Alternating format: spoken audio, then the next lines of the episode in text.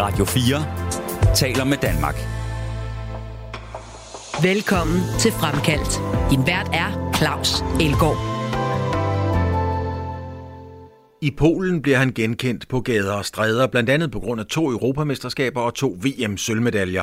Men i Danmark er det langt fra alle, der vender sig om efter Leon Madsen, når han er en tur i supermarkedet. Den danske speedway-kører er ganske enkelt mere kendt i flere andre lande end i Danmark. Leon Madsen har nærmest brækket alle knogler i kroppen i løbet af karrieren. Han insisterer på at være et sympatisk menneske og ikke et dumt svin i pitten, for det skal kunne lade sig gøre at blive den bedste i verden, selvom man opfører sig ordentligt. Leon Madsen er gæst i Fremkaldt. Du lytter til Radio 4. Leon, din, øh, din skadejournal, den er mildt sagt lang. Jeg ved ikke, om du kan huske dem alle sammen, ellers kan jeg hjælpe dig måske en lille smule. Mm. Øh, hvor mange skader har du haft? Jeg har haft mange. Øh, desværre, kan man sige. Men, øhm, men skadeslisten, den er lang. jeg har haft brækket en, øh, en del øh, lemmer i min krop. Øh, præcis hvor mange skader de har haft, det ved jeg ikke helt, men øh, jeg, jeg har haft brækket ben og arm og skulder, kravben og, og så videre. Men øh, jeg vil sige, noget af det værste, øh, det er faktisk øh, hjernerystelse. Det er, det er langt værre end at, end at brække øh, benet. Og, øh, fordi det er simpelthen det er en skade, der, der er svær at komme over. Den, det er ikke bare, du har ikke bare en, en tidsramme på en hjernerust, der siger fire uger, og så er du klar igen. Som du kan have med et, øh, et brækket ben eller noget. Um, og det har jeg desværre haft mange gange. Ja. Um, Hvor mange hjernerystelser har du haft? Jeg tror, jeg har haft 7-8 hjernerystelser. Ja. Uh, og nogle, nogle pænt store nogle, hvor man, hvor man har været helt væk, og og vågne op på banen, man ved ikke, hvor man er henne af. Og, så, så, så, det, så, er det, jo, så er det jo alvor, kan man sige. Ja, det er ikke sjovt. Så, så, så det er det værste, vil jeg sige. Men øhm, heldigvis er jeg kommet godt over mine skader, og, og rigtig fit nu, og, og har det godt. Mm, altså, altså blandt øh, de der 7-8-9 jernrystelser, du har haft, så har du også haft øh, en brækket nakke. Det har jeg også, ja. Øh, du har haft to trykkede nakkevivler, og så er man jo også ude i noget, der er meget, meget alvorligt. Så har jeg også øh, eller researchet mig frem til, at du har ingen muskler i højre skulder. øh, en højre arm, der er 3 cm kortere end den venstre. Hvor kan det være? Nu, du finder det hele frem nu, kan jeg. Ja. jo, men det, det er rigtigt nok. Øhm, ikke nok med, at jeg var så uheldig at, at blive, blive skadet, så så var jeg også uheldig, at da jeg kom til skade med min, med min arm, og øh, det, det gjorde jeg i Sverige, kom på sygehuset og skulle opereres. Øh, så lægen, der opererede mig, han øh, fejlopererede mig simpelthen og ødelagde hele min skulder, så, så jeg ikke har nogen muskler i dag. Altså har som, øh, I, som I slet ikke nogen, eller? Nej, altså... Den hænger bare øh, på, eller hvad? Ja, altså... Det, der, der er ikke meget i hvert fald i højre skulder ved siden af min venstre. Øhm, så det gør det svært for mig at, at, at ligesom og løfte den ud til højre. Og, og det gør også, at jeg kompenserer meget for det, når jeg kører. Jeg bruger venstre arm noget mere. Og så jeg kan tit godt få lidt øh, krampe i venstre arm. øhm, så, så, så det... Øh, men hvordan, hvordan pokker kan man det? Altså, fordi jeg tænker, det er jo mange kræfter, du, du kommer ind i svinget med og så videre. Ja. Altså, hvordan, hvordan pokker kan det overhovedet lade sig gøre uden, uden muskler i, i en skulder? Jo, men altså så så er der nogle andre muskler, der ligesom kompenserer for det øh, på biceps og underarm og, og så videre, og min venstre arm, som jeg siger, men det, det er klart, det er jo, det er jo mere tough, og det er jo hår, hårdere for mig at køre, end, end så mange andre, som ikke, øh, som ikke har døjet med det jo, men, øh, men det har jeg lært at, at leve med og, og, og køre med også. Jeg, jeg træner utrolig hårdt øh, igennem vinteren, og når vi går klar til sæsonstart, så, så, så er jeg så fit som overhovedet muligt. Mm. Øhm, men det, det gør det ikke nemmere, det gør det ikke, men, øh, men øh, ja, det går, og jeg har ikke nogen problem med at køre som sådan, så, så det er fint nok, men, men ja, den er også kortere, det samme med mit ben. det er også kortere. Og det er nogle gange øh, det, der kan ske, når du brækker et, et, øh, en arm eller noget, at øh, så, så kan det godt... Øh, ja, ændre lidt i længden. Mm. Men så, så når, man, når man tænker på en brækket nakke og to trykkede nakkevivler, altså så er man jo ude i noget, hvor det måske er tilfældighed om mister førligheden ganske enkelt. Ikke? Hvad for nogle tanker gør man så der? Jo, øhm, og det var heller ikke særlig sjovt, da det skete. Øhm, jeg kan huske, at jeg lå på hospitalet i Vejle med en nakkekrav på og lå i en seng og ventede på at få nogle svar på nogle scanninger. Jeg, har faktisk, jeg var faktisk blevet sendt hjem øh, efter styrtet. Så kom, øh, efter weekenden, så kom der en ambulance hjem til mig og hente mig. Øh, de sagde, at jeg skulle forholde mig helt i ro og det hele. Jeg synes, det var noget mærkeligt noget, nu har jeg været hjemme hele weekenden. Så, så skulle jeg lige pludselig forholde mig helt i ro, og de kom og lagde mig på en, en, øh, en borger det, og tog mig med ned på Vejle sygehus, og så skulle de scanne mig igen. Øh, der har åbenbart været noget, noget konference mandag morgen, hvor alle lærerne de samlede og kigger på, på weekendens billeder og så videre. Der har de åbenbart set på min nakke, at øh, der var et ustabilt brud i nakken. Mm. Men øh, inden jeg vidste det, og lå der i en seng her på sygehuset øh, og ventede på, på at få nogle svar, der sad der sammen med min far, vi synes det var lidt lat, at jeg skulle ligge der, så så fuck, yeah, jeg skulle gerne op og sidde af det, så jeg satte mig op og begyndte at gå lidt rundt. Så det blev så kom der en øh, sygeplejerske ind, som, som så meget alvorligt ud på mig og sagde, du må altså meget gerne ligge dig ned, fordi at, øh, du har et ustabilt brud i nakken, og, det, okay. og du skal køres til Aarhus sygehus, hvor nogle specielle er, de skal kigge på det og finde ud af, om jeg skal opereres. Mm. Øhm, det, det, det skulle de så finde ud af næste dag, så det var en meget lang nat. Jeg skulle ligge der uvidende, om jeg skulle opereres i nakken eller ej, men heldigvis så kom de næste, næste morgen og sagde, at... Øh, at det kunne godt klare sig med en nakkekrav på de næste tre måneder. Men altså, når man riser alle de her skader op, du har haft, er det bare en erhvervsrisiko, som man lever med, eller hvordan har man det egentlig med, med det? Ja, altså, der er, en, der er en risiko ved at leve også, vil jeg sige. Mm. Øh, nu er jeg i Brogst i dag, kørt herop, og det er heller ikke helt ufarligt at, at køre en tur herop i bil. Og jeg synes, at sikkerheden i Speedway, den er, den er blevet øh, meget, meget bedre, markant bedre over de seneste par år med, med udstyr og luftpudhegn og så videre, og banernes beskaffenhed er også blevet meget bedre på det seneste. Øhm, så det er faktisk meget sjældent, vi ser nogle rigtig alvorlige uheld. Selvfølgelig, når, når der kommer nogle alvorlige uheld inden for Speedway, så, så kan det være meget slemt. Men øh, heldigvis så er det ikke særlig tit, det sker mere. Nej, men altså du ser det jo jævnt ofte. Du, du har jo set Nick i styrte blandt andet, går jeg ud fra selvfølgelig ikke. Du bliver mindet om det, når du støder på Erik Gundersen, øh, vores, vores fælles øh, gode kammerat, kan man sige. Øh, så, så man bliver jo mindet om, hvor alvorligt det kan være. Altså, øh, øh, giver det stof til eftertanke i forhold til, om du bliver ældre, du har familie, om, om man bliver bange, eller hvad tænker man, når man sådan på den måde bliver mindet meget konkret om, hvor farligt det kan være? altså jeg vil sige, efter jeg har fået børn af det, så, så begynder man jo at tænke over tingene, at øh, man begynder at tænke på, at der, der er nogen, man har et ansvar for derhjemme også jo. Men, men jeg vil sige, at det, det er meget mærkeligt, fordi lige så snart man trækker hjelmen på, ja. så, så, så spekulerer du ikke på det. Og, og jeg tror også, at den dag du begynder at spekulere på det, så skal du ikke køre mere. Fordi så kører du ikke øh, op til de bedste, og du kører ikke 100%. Og så begynder du måske at trække dig i nogle situationer, og så begynder det at blive farligt. Mm. Du skal køre helt op til det bedste, og på 100%, hvor du er, hvor du er skarp og det hele. Er, er det simpelthen, kan man sige, en god guideline at sige, hvis, hvis man begynder at trække sig, når man går ind i svinget, så, så er det på tide at stoppe? Ja, det synes jeg. Øhm, måske til en, til en øh, altså måske til en vis grænse, fordi det er klart, at øh, at der er jo selvfølgelig nogle, nogle løb, jeg kører nu, som er som måske ikke er så vigtige som andre løb, hvor jeg tænker, okay, her behøver jeg måske ikke at, at tage øh, den helt øh, voldsomme chance, som hvis det havde været et øh, Grand Prix-løb, hvor vi kører om VM-titlen. Mm. Øh, hvor man måske før han havde, havde gjort det.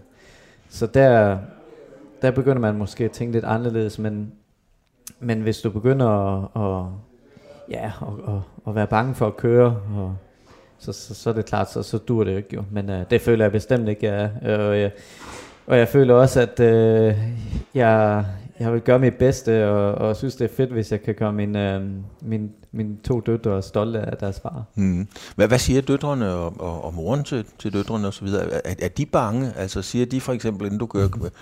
Altså når jeg kører på arbejde, så får jeg at vide, kør nu forsigtigt. Altså siger de også, pas på til dig, eller, eller hvordan agerer de egentlig i forhold til det hele? Ja, nej, altså det er klart, min kæreste, hun, er, hun er jo selvfølgelig stresset, når jeg kører. Hun ved jo godt, hvad der kan ske, og, og har været med i mange år.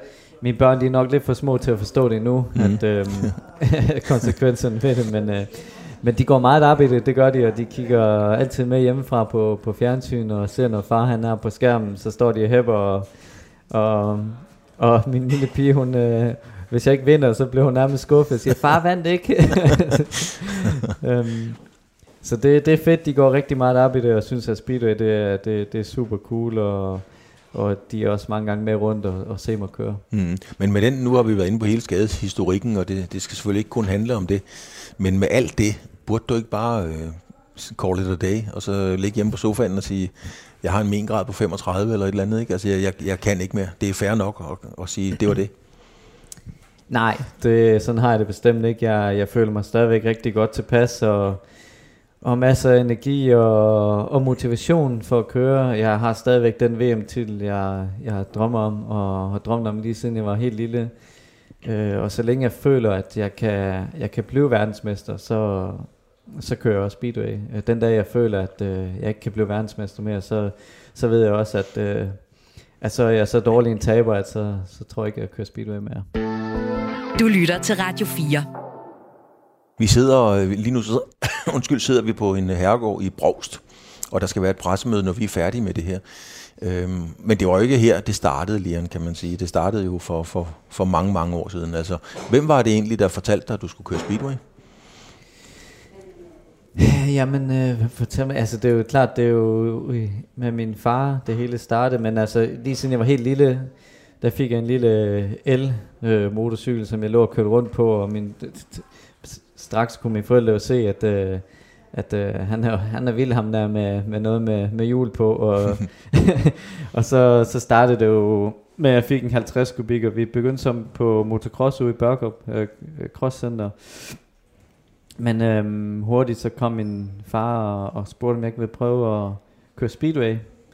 Og det, det tog jeg så ud og prøvede, og, og, og jeg blev bidt af med det samme. Jeg synes, det var fedt, at vi, vi kørte hurtigere. Mm. Øhm, jeg var måske ikke så meget til de der flyvehop. Jeg led lidt af højdeskræk, så det var bedre, at vi var nede på jorden og, og kunne køre hurtigt i stedet for. så, så det var fedt, og jeg har altid været bidt af, bidt af motorsport. Prøv at fortælle om, da du fik din, øh, din altså på et eller andet tidspunkt har du fået din første sådan rigtige speedway-cykel, kan man sige. Ikke? Øh, hvordan var det? Jamen, det, det kan jeg tydeligt huske, og det var mega stort. Øhm, jeg sad ude på vendepladsen sammen med nogle af mine kammerater. Jeg tror, jeg var jeg var været 3-4 år gammel, øh, og vi sad og ventede. Min far han kørte netop her op til Nordjylland for, ja. for at hente en brugt 50 kubik. Og vi sad ude på vendepladsen hele dagen og ventede på, at han skulle komme hjem igen. Og til sidst så kom han jo hjem med, med, med den 50 kubik bag på traileren, og og det var jo kæmpe stort, og både for mine venner, øh, der så, at jeg fik en, en lille øh, motorcykel jo. så, så det var en stor dag, det var det helt sikkert. Og kunne du bare sætte dig op og køre på den? Altså? Ja, det, det, det, nu kan jeg ikke huske, huske hele min barndom sådan, men øh, jeg mener, at øh, jeg var hurtig til at komme op på den og, og ved gashåndtaget på mm. den. Kendte du på det tidspunkt, altså ligesom, øh, nu er det jo håndboldspillerne og fodboldspillerne, der er idoler i dag, altså havde du plakater med Speedway-kører, var der nogen, du sådan så op til at gerne ville være-agtigt, som man jo gerne vil, når man er knægt? Ja, nu står Hans ikke lige ved siden af så kan jeg godt sige, at øh, jeg kigger selvfølgelig op på, til Hans Nielsen og og Tommy Knudsen og Tony Reversen dengang, mm. øh, man var lille. Det, selvfølgelig havde man nogle idoler dengang, øh, og det havde jeg selvfølgelig også jo. Um, så jo. Det var dem, det var dem?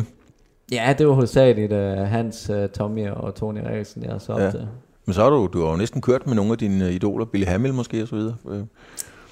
Ja, øh, og Greg Hancock. Ja, Greg Hancock jo ikke mindst. Ja, og Jason Crump og, og så videre. Øhm, så det var fedt, at man, man lige pludselig kommer, kommer derop og, til toppen og, og kører mod dem, man har set op til i mange år. Mm. Du bliver så junior øh, senere, det, du bliver så junior øh, verdensmester, øh, eller U21, øh, på sådan en 80 kubik.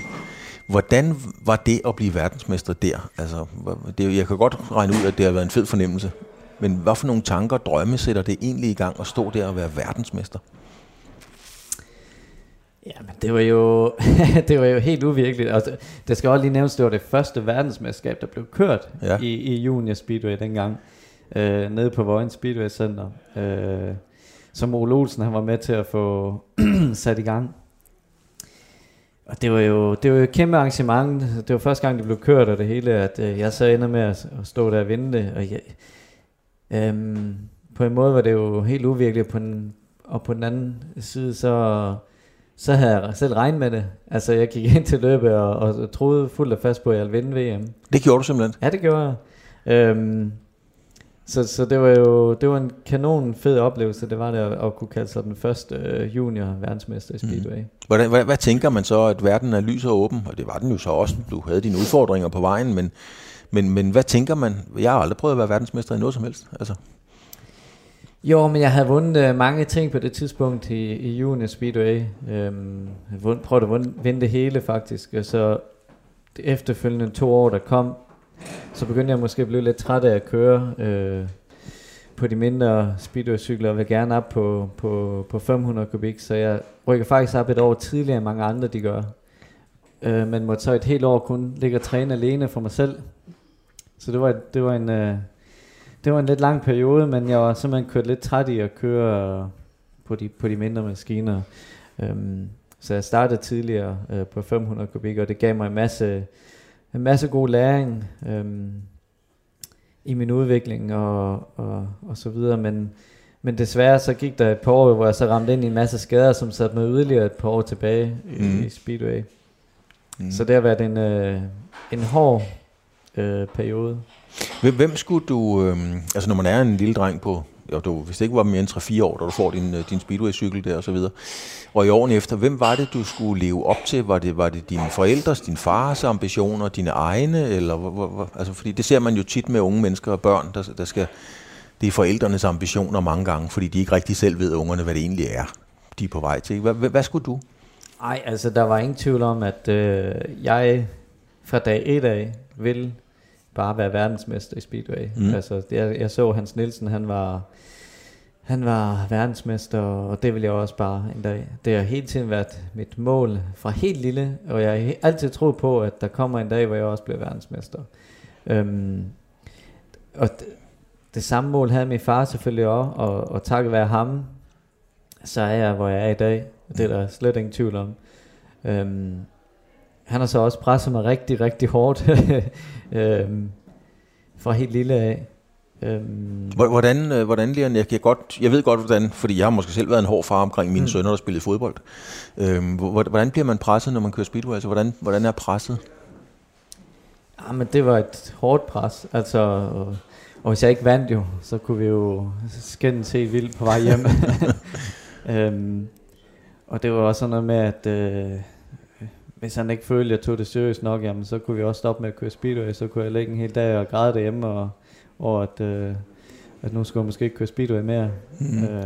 Det tog ikke uh, glæden fra dig? Altså. Øh, nej, det, det gjorde det ikke. Øh,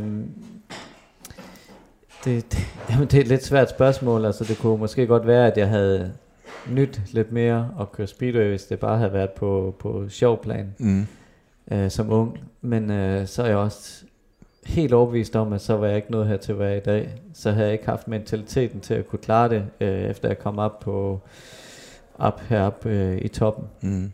Men det kan jo så godt være, der, der er andre, øh, som godt kunne det. Øh, vi skal ikke alle sammen trænes ens. Nej, nej, nej. Øhm, men der tror jeg bare, at det har været den rigtige måde for mig. Mm. I dag er du jo en etableret speedway-stjerne. Du er måske, det vender vi også tilbage til, at skal snakke om, men du er måske mere kendt i Polen, end du i virkeligheden er i Danmark. Hvordan er det at være en stjerne i Polen? Ja, altså vi har i hvert fald set, at du er mere kendt i Vejle, end jeg er lige nu. ja, det er rigtigt. det er sandt. Jeg har selv stået i avisen. ja, jeg var 32. ja, lige præcis. Ja, jeg var 44, tror jeg, så det skal jeg se, at jeg ikke kan få, uh, få indhentet. ja. Øh, men i Polen, der kan jeg så lige hilse dig at sige, at uh, der er der ingen, der kender mig, men der kender de alle sammen dig, i hvert fald når vi snakker Speedway. Ja, altså det er jo, det er jo meget specielt og, og fedt også jo, især når, når jeg render rundt ned i Testehova, hvor jeg kører. Um, som du siger, der er, jo, der er jo næsten ikke nogen, der ikke kender mig dernede, og det er jo, og det er jo super fedt jo. Um, og alle sammen er jo mega venlige og, og, og støtter mig og støtter Testehova klubben dernede. Uh, det er jo kæmpe, kæmpe stort, og vi har mange fans til, mm. til vores løb. Um, vi har et sted mellem 10 og 15.000 tilskuere til hver match dernede jo. Og uh, vi har flere tilskuere, end vi har til fodbold, end der er til fodbold. Mm. Så det er jo et kæmpe stort speedway i Polen, det er det. Så så er det selvfølgelig lidt, øh, så er det selvfølgelig lidt øh, sjovt, når man har kørt et løb ned til Stehova for 15.000 tilskuere, så næste dag flyver op til, til Aalborg og lander op i Aalborg for at skal køre et ligeløb i Borgs, hvor der måske er 1000 tilskuere, eller 500, eller hvad der har været. så det er lidt en omvæltning, men, øh, men det, er, det er også, øh, det vil jeg sige, det er også, øh, det er også rigtig fedt at komme hjem og køre igen hjem i Danmark i den danske liga og, og møde mine danske sponsorer og danske fans, hilse på dem. Øhm, og komme hjem og prøve på at, at løfte ligaen hjemme i Danmark også, og, og hjælpe Brog Speedway til at komme op på et højere niveau også. Men hvad betyder det for dig, lige at være, at være have den der stjernestatus? Altså, hvad betyder det egentlig for dig? Ja, det, var, det var et godt spørgsmål. Altså, hvad betyder det? Øhm, det ved jeg sgu ikke, om det betyder så meget. Øhm, det har jeg ikke rigtig tænkt over. Jeg kan godt lide at... Nu når jeg har den status, som du siger, altså, jeg, jeg kan godt lide at være et godt forbillede i hvert fald. Ja. For, for de unge, øh, og føre mig ordentligt at være professionel. Hvad vil det, det skal du lige uddybe for mig. Hvad vil det sige at være et godt forbillede i din optik?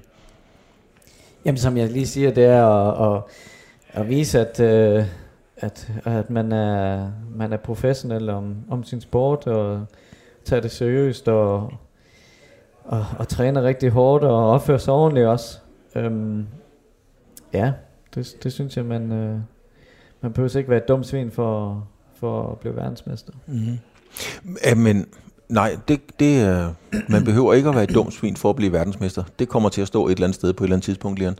Men, men, men man kan så vente om at sige, hvis jeg er lidt provokerende at sige, hvis du havde været et dumt svin, mm. var du så blevet verdensmester? Nej, det tror jeg ikke. Øhm, jeg kan også vente om at sige, hvis vi kørte med det samme pointsystem, som vi kører med nu, hvis vi kørte med det i 2019, så havde jeg vundet VM. Mm. Med, med et stor margin til, til Smart League. Så Altså, jeg er der arbejder og er så tæt på. Så det, det er marginalen, der gør, om man, om man vinder eller ikke vinder lige nu, synes jeg. Mm. Og, og vi prøver hele tiden at, at forbedre os og lede efter de små ting, hvor vi kan gøre det endnu bedre, så vi kan forhåbentlig vinde den titel en dag. Der er mange, sådan i gåsøjne, billedligt talt, dumme svin. Håndbold, fodbold, badminton, travsport, alle mulige steder, som er nået toppen og sådan nogle ting. Hvordan har du det med at skulle begå dig i den verden, hvor der er så store egoer? Jeg ved også godt, du selv har et stort ego, for ellers så kommer man ikke dertil, hvor du er kommet til det her udmærket godt klar over. Men hvordan har du det med at være en del af sådan et miljø egentlig? Jo, men det har jeg jo været vant til lige siden jeg var tre år, ja. så, så det har jeg det sådan set fint nok med. Øhm, jeg har kæmpe respekt for mine konkurrenter. Øhm, og de er, de er alle sammen mine kollegaer. Øh, det er svært at blive venner med nogen inden for din sport, fordi at øh, der er ikke nogen, der der er ikke nogen, der er under dig, at du, du skal vinde over, over dem jo. Øhm, og speed er også en hård sport. Øh, nogle gange så kommer vi til at køre hinanden af. Mm. Og, og det kunne jeg aldrig nogensinde drømme om at gøre ved min bedste kammerat. Øhm, så, så det er svært at få venner øh, inden for sport. Man vil øh, sig selv bedst, og, og vi kæmper alle sammen om at blive verdensmester. Men er det, er det sådan et aktivt fravalg, hvor man siger, at det er mine kolleger, det er mine konkurrenter, men det er ikke mine venner? Altså er det, er det, sådan, er det sådan et valg, man tager simpelthen, eller du har taget? Ja, sådan tror jeg, at de fleste de tænker. Øh, det gør de. Øhm, og det er så det er så en hård business, øh, spe, især Speedway, øh, hvor det kun er toppen af toppen, der ligesom kan leve af det. Øhm, og vi har vi er jo vi er jo selvstændige entreprenører. Vi har vores eget øh, professionelle team omkring os. Mm. Øhm, så vi når du er ude til løb og træning, så så arbejder du sammen med med, med dit eget team øh, og fokuserer på det. Og så tænker du ikke så meget over hvad alle de andre de de laver. Du lytter til Fremkaldt på Radio 4. Hvis man kigger på øhm på den opmærksomhed, du får. Nu sagde at du var mere kendt i Polen. Og jeg tror, det er en faktuel... Nu, nu er du flyttet til Danmark, og hvis du går rundt ned i Føtex her, så, og du gør det samme i Polen, så, så vil du blive genkendt i Polen hele tiden. Og måske ikke så meget i Danmark. Hvordan er det? Altså, hvordan er det egentlig at have vundet øh, to europamesterskaber, man har vundet Grand Prix-sejre, man er blevet VM to og to gange. Altså, det er jo det er et fantastisk CV, men der er måske ikke så mange, der ligesom ved, hvem du er. Nej, altså det har jeg da sådan set fint nok med. Jeg kunne dog godt tænke mig, at der var noget mere fokus på Speedway i Danmark. Mm. Øh, og det blev mere udbredt og mere kendt. Og det øh, håber jeg selvfølgelig, at jeg kan være med til og, og hjælpe Speedway med. Blandt andet med at komme hjem og køre i den danske liga til næste år. Øh, og jeg prøver hele tiden på at hjælpe den danske liga med at implementere nogle af de ting, som de også har gjort nede i Polen, mm. for at gøre sporten dernede mere populær. Det er ikke andet end, end 8 år siden, at øh, i ekstra liga nede i Wroclaw for eksempel, de har svært ved bare at tiltrække 2.000 tilskuere. Nu, nu er der fuldt hus hver gang, over 14.000. Og det er jo, så de havde jo nogle af de samme, måske ikke helt det samme, men nogle af de samme problemer, som vi har her i Danmark. Og de, øh, de fandt jo så nogle løsninger på det, og arbejdede benhårdt på at gøre sporten meget mere professionel, og trukket det i den rigtige retning. Hvad er det, de har gjort, Leon? Fordi man kan sige, at at, øh...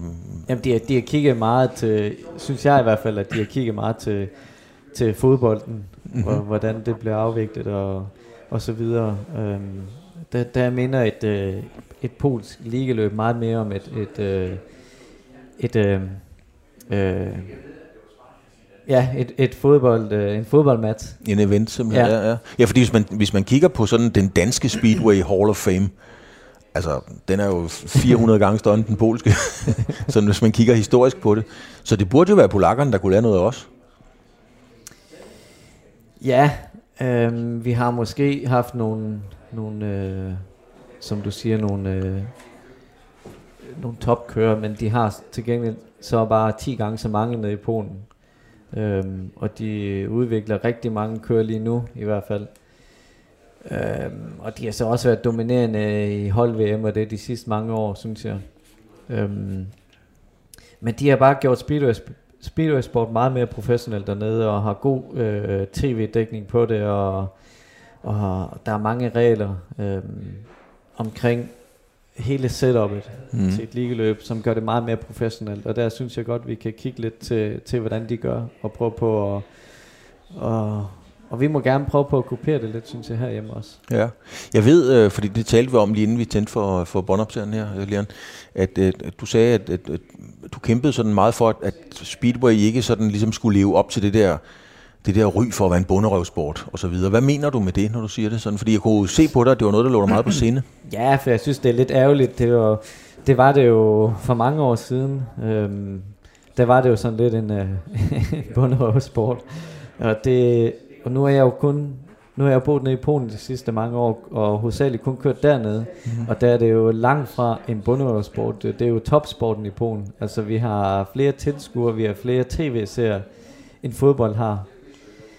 Øhm, så, så det er jo en kæmpe sport, og, og jeg synes, og jeg tror på, at potentialet hjemme i Danmark er også til det, fordi at øhm, vi kan jo se, når vi kører Grand Prix i Vojens, så er der næsten udsolgt, altså ja. omkring 15.000 tilskuere. Ja. Så, så, så folkene er der til, og hvis det er Speedway, men de vil bare ikke ud og se noget øh, træk der træk i øh, regnvejr og slud og blæst, og skal vente øh, en halv time på, at hver enkelt hit bliver afviklet. Nej, det er der, man kan stramme op, kan man sige. Ja, det synes jeg. Ja. Hvad, hvad med hele øh, udtrykket og attituden og sådan nogle ting? Jeg ved også, at du, du er ikke meget for at skal stå og sige de der one-liners sådan lige efter et løb med pulsen på 240. Så. Nej, fordi det er jo... Der synes jeg jo, vi trækker i den øh, retning af en bunderøvsport jo, hvor det godt må se lidt mere professionelt ud, både med hensyn til, til sponsorer og så videre. Mm-hmm. Øhm, så jeg synes, der, der er mange ting, vi kan, vi kan forbedre herhjemme i den danske liga. Ja, det, der, der kommer jeg jo til nu, som sagt, vi sidder på en herregård i Brogst, og Hans Nielsen går rundt et eller andet sted. Måske kommer han med kaffe til os lige om lidt rent faktisk, en mange dobbelt verdensmester. Hans øh, talte jo altid pænt, når han, var i, øh, når han var i fjernsynet, kan man sige. Er det den linje, er det en Hans Nielsen-linje, du godt egentlig vil tillægge dig, eller, eller er? Jo, men altså, han er jo altid... Øh, øh, opfører sig rigtig pænt, Hans, men jeg, jeg synes nu mere, at jeg holder min egen linje. Mm. Øhm, og den øh, kan jeg stå ved.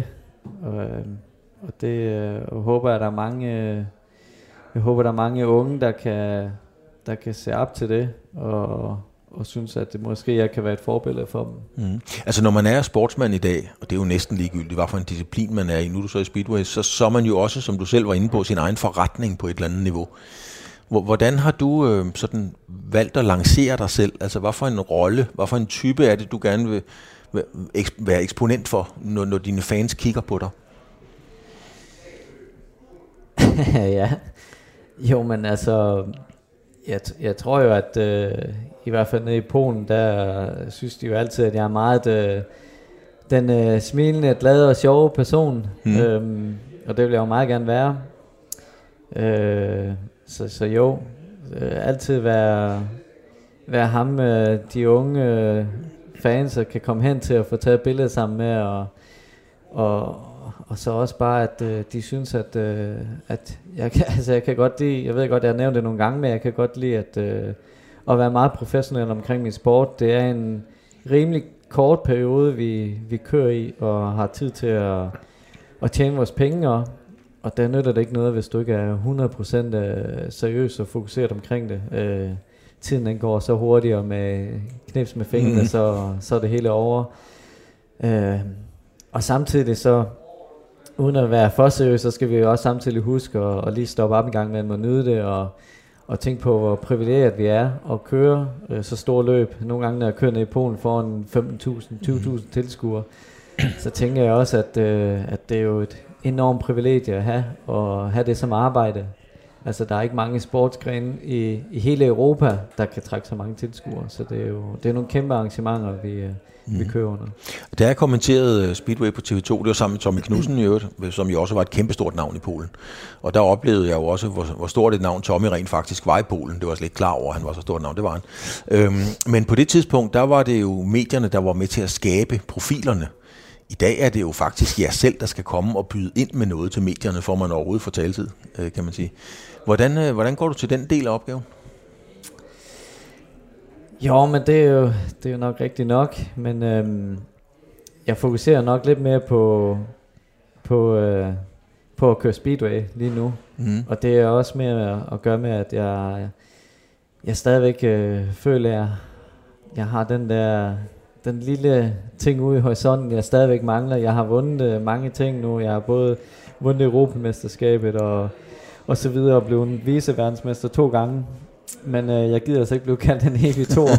så, øhm, så jeg er meget, meget fokuseret og arbejder stenhårdt hver eneste dag sammen med mit team øh, på at forbedre os og på, at vi forhåbentlig kan, kan ende os på, på skamlen en dag. Nej, nu siger du den evige toer. Altså, man kan sige, at alle lande i hele verden har du valgt at leve i et land, eller at være født i et land, hvor at der bare hænger mange guldmedaljer i Speedway. Ja, altså. men øh, nu har jeg arbejdet meget sammen med Hans Nielsen her de sidste par år, Øh, skal lige nævnes, at han, øh, han vandt også først to gange sølv, inden han blev verdensmester. Mm. Og de startede også at kalde ham den evige tor, så det vil grine lidt over, at øh, jeg går samme vej som ham. Så ja. forhåbentlig så, så, så kommer guldmedaljen snart. Men tænker du nogensinde på det der med, at man kan være det, man kalder sådan det evige talent? Øh, nej, det, det ved jeg ikke. Altså, jeg, jeg har altid fået at vide, da jeg var lille, at jeg havde et, øh, et stort talent for at køre speedway. Øhm, men jeg synes så også, at... Øh, øh, jeg synes så også, på grund af at alt det, jeg har været udsat for med skader og ting og sager og sygdomme og så videre, så har jeg skulle arbejde benhårdt for det. Øh, så det er ikke noget, der bare kom let til mig overhovedet.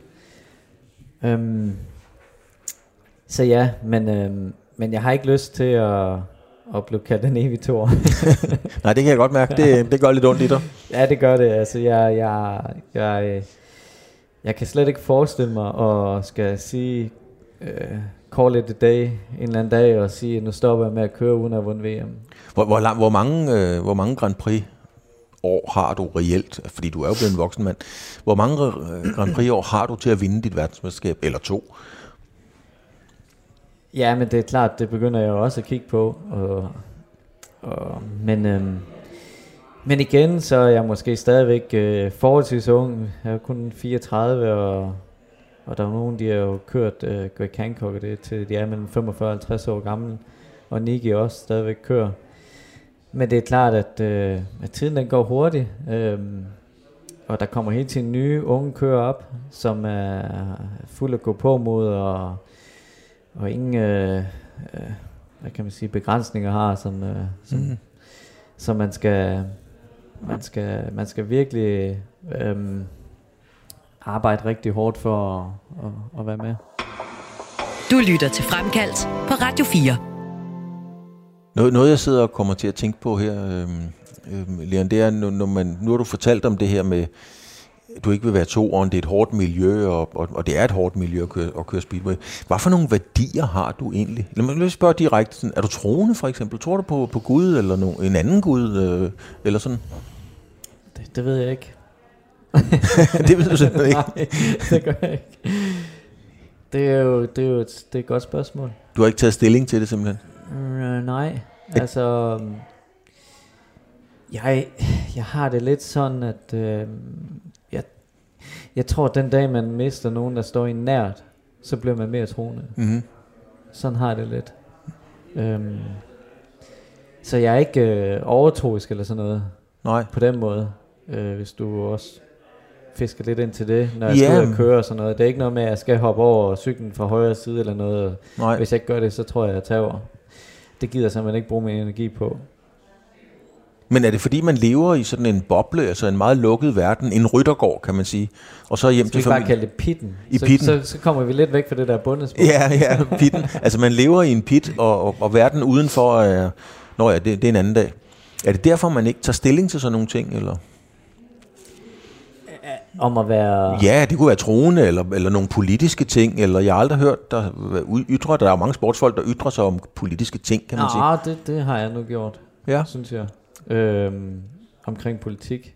Jeg går meget der i politik. Ja. så, men det er jo, altså, når vi er ude at køre speedway, så er vi jo en lille boble, mm. øh, og skal være meget, meget fokuseret. Øhm, for speedway, det er simpelthen, det er så intenst. Altså, det er ikke ligesom en fodboldkamp eller en håndboldkamp, hvor du har en hel team, og øh, god tid til at, at vende tingene rundt. Altså, vi kører fem heat, der var et minut ad gangen, og det er bare så intenst. Øhm, og der skal du være knivskarp, og din puls den ligger på næsten 180. Øh, det kan vi jo se øh, fra Grand Prix sidste år, hvor de har pulsmåler på os. Mm-hmm. Øh, og, og det, det er lige fra du kører op til bag startsnoren, der ligger din puls jo simpelthen bare og pisker afsted. Øhm, så, så er der ikke rigtig plads til at gå og fundere over så mange andre ting? Nej, det er der ikke. Altså der skal du være 100% fokuseret, hvis du vil vinde. Mm. Prøv en gang lige, nu sagde du selv, når man kører op til, til startsnoren. Leon, prøv en gang at tage mig med ind i psykologien i det. Jeg, jeg tænker sådan lidt, der er også en psykologi, når to bokser går ind i ringen i hver deres hjørne, og, de skal, og lige om lidt lyder gongongen, så skal de i gang. Hvad er det for en psykologi, der er, når I holder jer fire, og nu er det nu? Jamen, det kan jo være meget forskelligt fra person til person. Jeg har det sådan lidt, at hvis jeg er i, i uh, rigtig god form og føler mig fit og, og sund og rask, så, øhm, så er jeg meget ovenpå, og så har jeg en rigtig god uh, selvtillid. Mm. Hvordan kan man vise det, der er hjelm på, og man kan ikke se dine øjne? Ja, det og... behøver jeg ikke at vise. Det behøver du ikke at vise? Nej, det skal jeg nok vise, når, når snoren den går op. okay. Der har jeg ikke behov for at skal, skal syge de andre på nogen måde, og der fokuserer jeg mere på mig selv. Um, det kan måske godt lyde lidt klichéagtigt, bare at fokusere på sig selv, men altså det, det er virkelig det, det jeg gør, øh, når jeg føler, at jeg er i 100% fit og i god form. Så føler jeg, at hvis jeg bare fokuserer på mig selv, og gør mit allerbedste, så føler jeg ikke, der er nogen, der kører frem. Nej, men, men bruger man det der med, du gør ikke, men er der andre, det der med, at man syger hinanden før en start, eller gør et eller andet, stiger hinanden ned, eller hvad pokker man gør? Findes det i Speedway? Der kan jo godt være sådan nogle små øh, bemærkninger i, i pitten og, og så videre under VM, hvis det hele det begynder at spidse til hen ad de sidste øh, runder. Øh, men ellers så synes jeg, at øh, man holder sig rimelig meget for sig selv, og der, altså et, der er næsten ikke tid til det jo, fordi et speedway-løb, det, især et Grand Prix-løb, det er simpelthen så øh, øh, hvad siger man, intenst, og det, det, det går bare så hurtigt. Mm-hmm. Øhm, når du kommer ud fra et heat, så har du ikke særlig lang tid til at sidde og snakke med dit team, og til at analysere tingene, inden du skal køre næste heat igen, og til at få ændret på setup og så videre. Så der, der sidder du simpelthen med dit team, og, og, hvis, og prøver på at og kigge nogle data igennem og, og optimere og ændre på setup og så videre, og så skal du ud og køre næste dit igen. Mm. Øhm, så det men, går simpelthen så hurtigt. Men hvad er det så, der sker, Leon? Fordi så går snoren op, mm. og I kommer afsted. Det var jo ikke ret lang tid, før I nede i første sving. Jo. Så forhåbentlig så er vi foran. så er vi foran, ja. og, det, og, og lige præcis i den sport, der du så er jo god til at køre det op igennem, ikke? Men, øh, men øh, det er en stor fordel at ligge forrest. Ja. Men I kommer jo derned mange og det er gange. Også det, undskyld, det er også det, mange siger, altså, det er, at du er god til at køre forbi, og jeg har lavet mange overhældinger i de mm. sidste par år, der er den kører, der har lavet flest overhældinger, både i Ekstraliga og i Grand Prix. Øhm, og desværre vil jeg sige, fordi at det, det er bare noget nemmere, hvis du kan tage starten. Og historisk set, hvis du kigger tilbage i tiden, så er de fleste verdensmester, der er næsten ikke været nogen verdensmester, som ikke har kunne starte i Speedway. Mm-hmm. Øhm, så det er, det er noget af det, vi arbejder benhårdt på at forbedre. Og der synes jeg, at vi tog et rigtig godt spring i slutningen af sidste sæson, hvor vi har prøvet nogle nye ting af, øhm, som forhåbentlig øhm, vil forbedre mig i den her sæson. Men når man så kommer ned i svinget, og der er, der er virkelig trafikeret dernede, og I, ligger jo meget, meget tæt, og ganske ofte så er der også nogen, nogen der vælter. Øhm, tænker du så på, at det er Iversen, der ligger der, eller Wuffinen, eller er det bare en køredragt og en hjelm? Eller hvad, hvad tænker man der? Uh, du tænker i hvert fald ikke på, at uh, og det er ham der, så skal du passe på ham, eller et eller andet. Du, du kan måske godt se, at uh, som du siger, det er Iversen, der ligger der, og så så tænker du måske nogenlunde, hvordan han vil køre svinget, mm. for hvordan du skal overhale ham. Øhm, der kan du godt tænke sådan lidt, at øh, de forskellige kører, de, de kan måske godt finde på at køre anderledes øh, rundt. Ja. Men er du, er, er er, sådan, det er vel også lidt frem til, det er jo det her med, at når jeg siger i gåsøjne, og jeg ved godt, det er en stor fornærmelse, så er du kun blevet nummer to VM øh, to gange, kan man sige. Ikke? Er, er det forskellen på, om du har vundet VM, om du har den der sidste aggression nede i svinget, og siger, okay, hvis ikke, hvis ikke han flytter sig, så vælter han færdig arbejde? Ja, sådan tænker jeg ikke. Hvis han ikke, kan, hvis han ikke flytter sig, så vælter han. Sådan tænker jeg bestemt ikke, fordi så risikerer du også bare at blive udelukket. Ja. Øh, så det skal du passe meget på med. Dommeren, de kigger rigtig meget replay nu om dagen i Speedway. Øhm, så det, det, det drejer sig om at være, at være smart og køre taktisk. Øhm, og du, du behøver heller ikke at vinde hvert et heat i Grand Prix nu om dagen for at blive verdensmester. Det er trods alt stadigvæk kun det sidste heat i finalen, mm. der, der, der faktisk reelt tæller. Det er der, du, du scorer dine point. Hvis du vinder et uh, finalen i Grand Prix, så får du 20 point. Og så er det lige meget, hvordan du kom til finalen, om du kun er kommet der til med 8 point. Mm. Hvorfor, uh, Leon, det, det sidder jeg og tænker på, øhm, jeg har jo interviewet en masse sportsfolk, fordi det har ligesom været mit arbejde i 35 år. Hvorfor er det altid så interessant at interviewe speedway, eller motorsportsfolk, til forskel fra så mange andre sportsgrene? Hvad, hvad, hvad er dit bud på det? Fordi du sagde du... Det, det ved jeg ikke, det må du jo fortælle. Ja, men altså, det er, ja, men altså ja, du sagde jo selv, at det, det har sådan et ry for at, at, at, at være sådan en bunderøvsportagtigt. Men, men I er jo altid gode til at fortælle, altså I er altid nærværende og så videre, ikke? Jo, men der kan jeg også godt mærke en forskel fra dansk danske speedway-kører og så til udlandske, mm. især i Polen, øh, hvor dansk, øh, når, du, når danske speedway-kører bliver interviewet, så er det jo lidt mere ren mail ud af posen og mm. hård kontant og så videre. Hvor det måske lidt mere i Polen i, i den professionelle liga setup, og det hele er lidt mere, øh, hvad kan man sige, øh, ja, pusset af, du ved. Jamen, lidt mere medietrænet-agtigt. Ja. ja. Men, men er det ikke også en, en dimension, der er farlig at gå tabt? Fordi er det ikke også det, der gør det interessant? Altså... Nej, det ved jeg ikke. Jeg synes, at, øh, at du gør... Øh, Speedway-kørende har de gjort meget mere øh, top professionelle i Polen, og lidt mere sådan... Øh, øh, sværere at tilgå og komme til og, og så videre. Så mm. det, det, det, det gør øhm, et speedway-kører kommer måske lidt højere op ned i Polen, du ved, så, så, så, så det gør det endnu mere interessant, hvis, hvis du forstår, hvad jeg mener. Ja, jeg forstår altså, det, det, det øhm, Så jeg kan godt lide den, øh, den tilgang, de har lavet ned i Polen med hensyn til speedway. Du lytter til Fremkaldt på Radio 4. Lærende, en del af programmet, det er, at jeg tager et billede af dig, og det er ikke et billede, der er andre, der kommer til at se. Det er sådan set kun os. Og du sidder der, og så viser jeg dig det her. Og det er egentlig ikke så meget, øh, hvordan du ser ud, fordi det kan jeg sådan set øh, godt fortælle. Som sagt, vi sidder på en, øh, på en herregård oppe i øh, Brogst.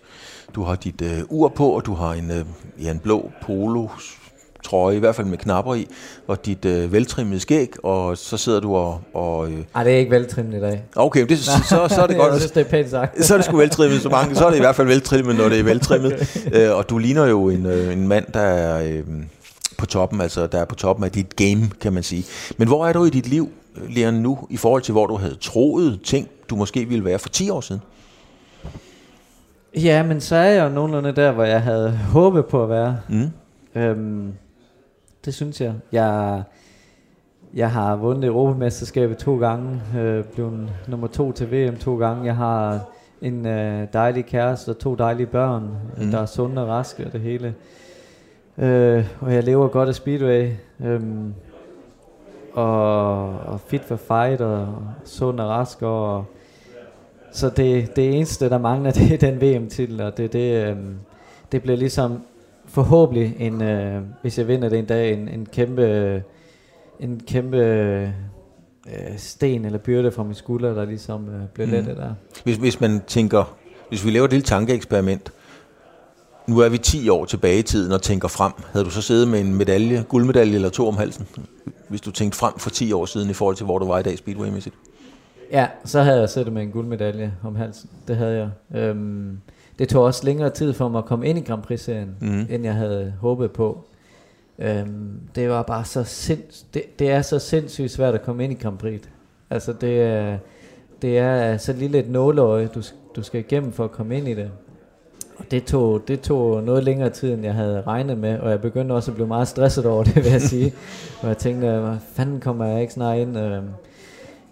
Og så valgte jeg at tage en anden øh, tilgang til det.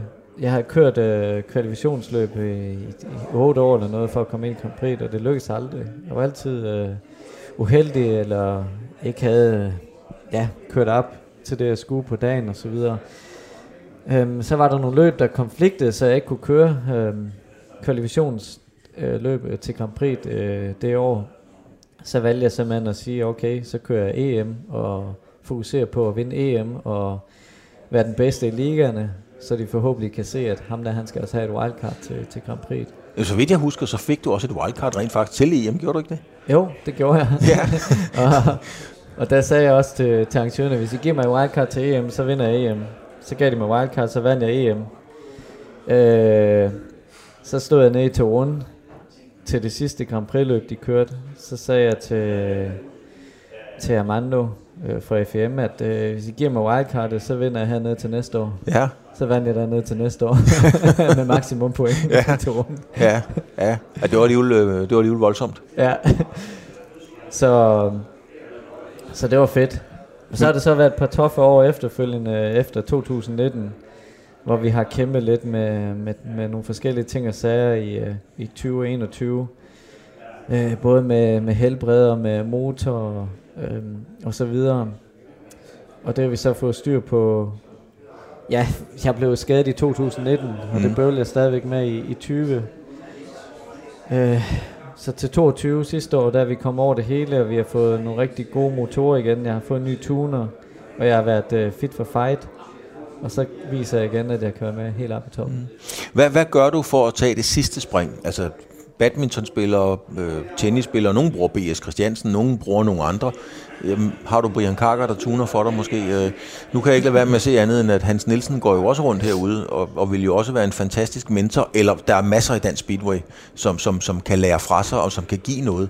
Har du overvejet at gå den vej rundt, og ligesom få, få ligesom nogen bruger BS, at du vælger at tage en person og sige, det, det kan også være en udlænding, der siger, nu, nu skal jeg det sidste stykke, og det kræver, at jeg får den øh, coaching.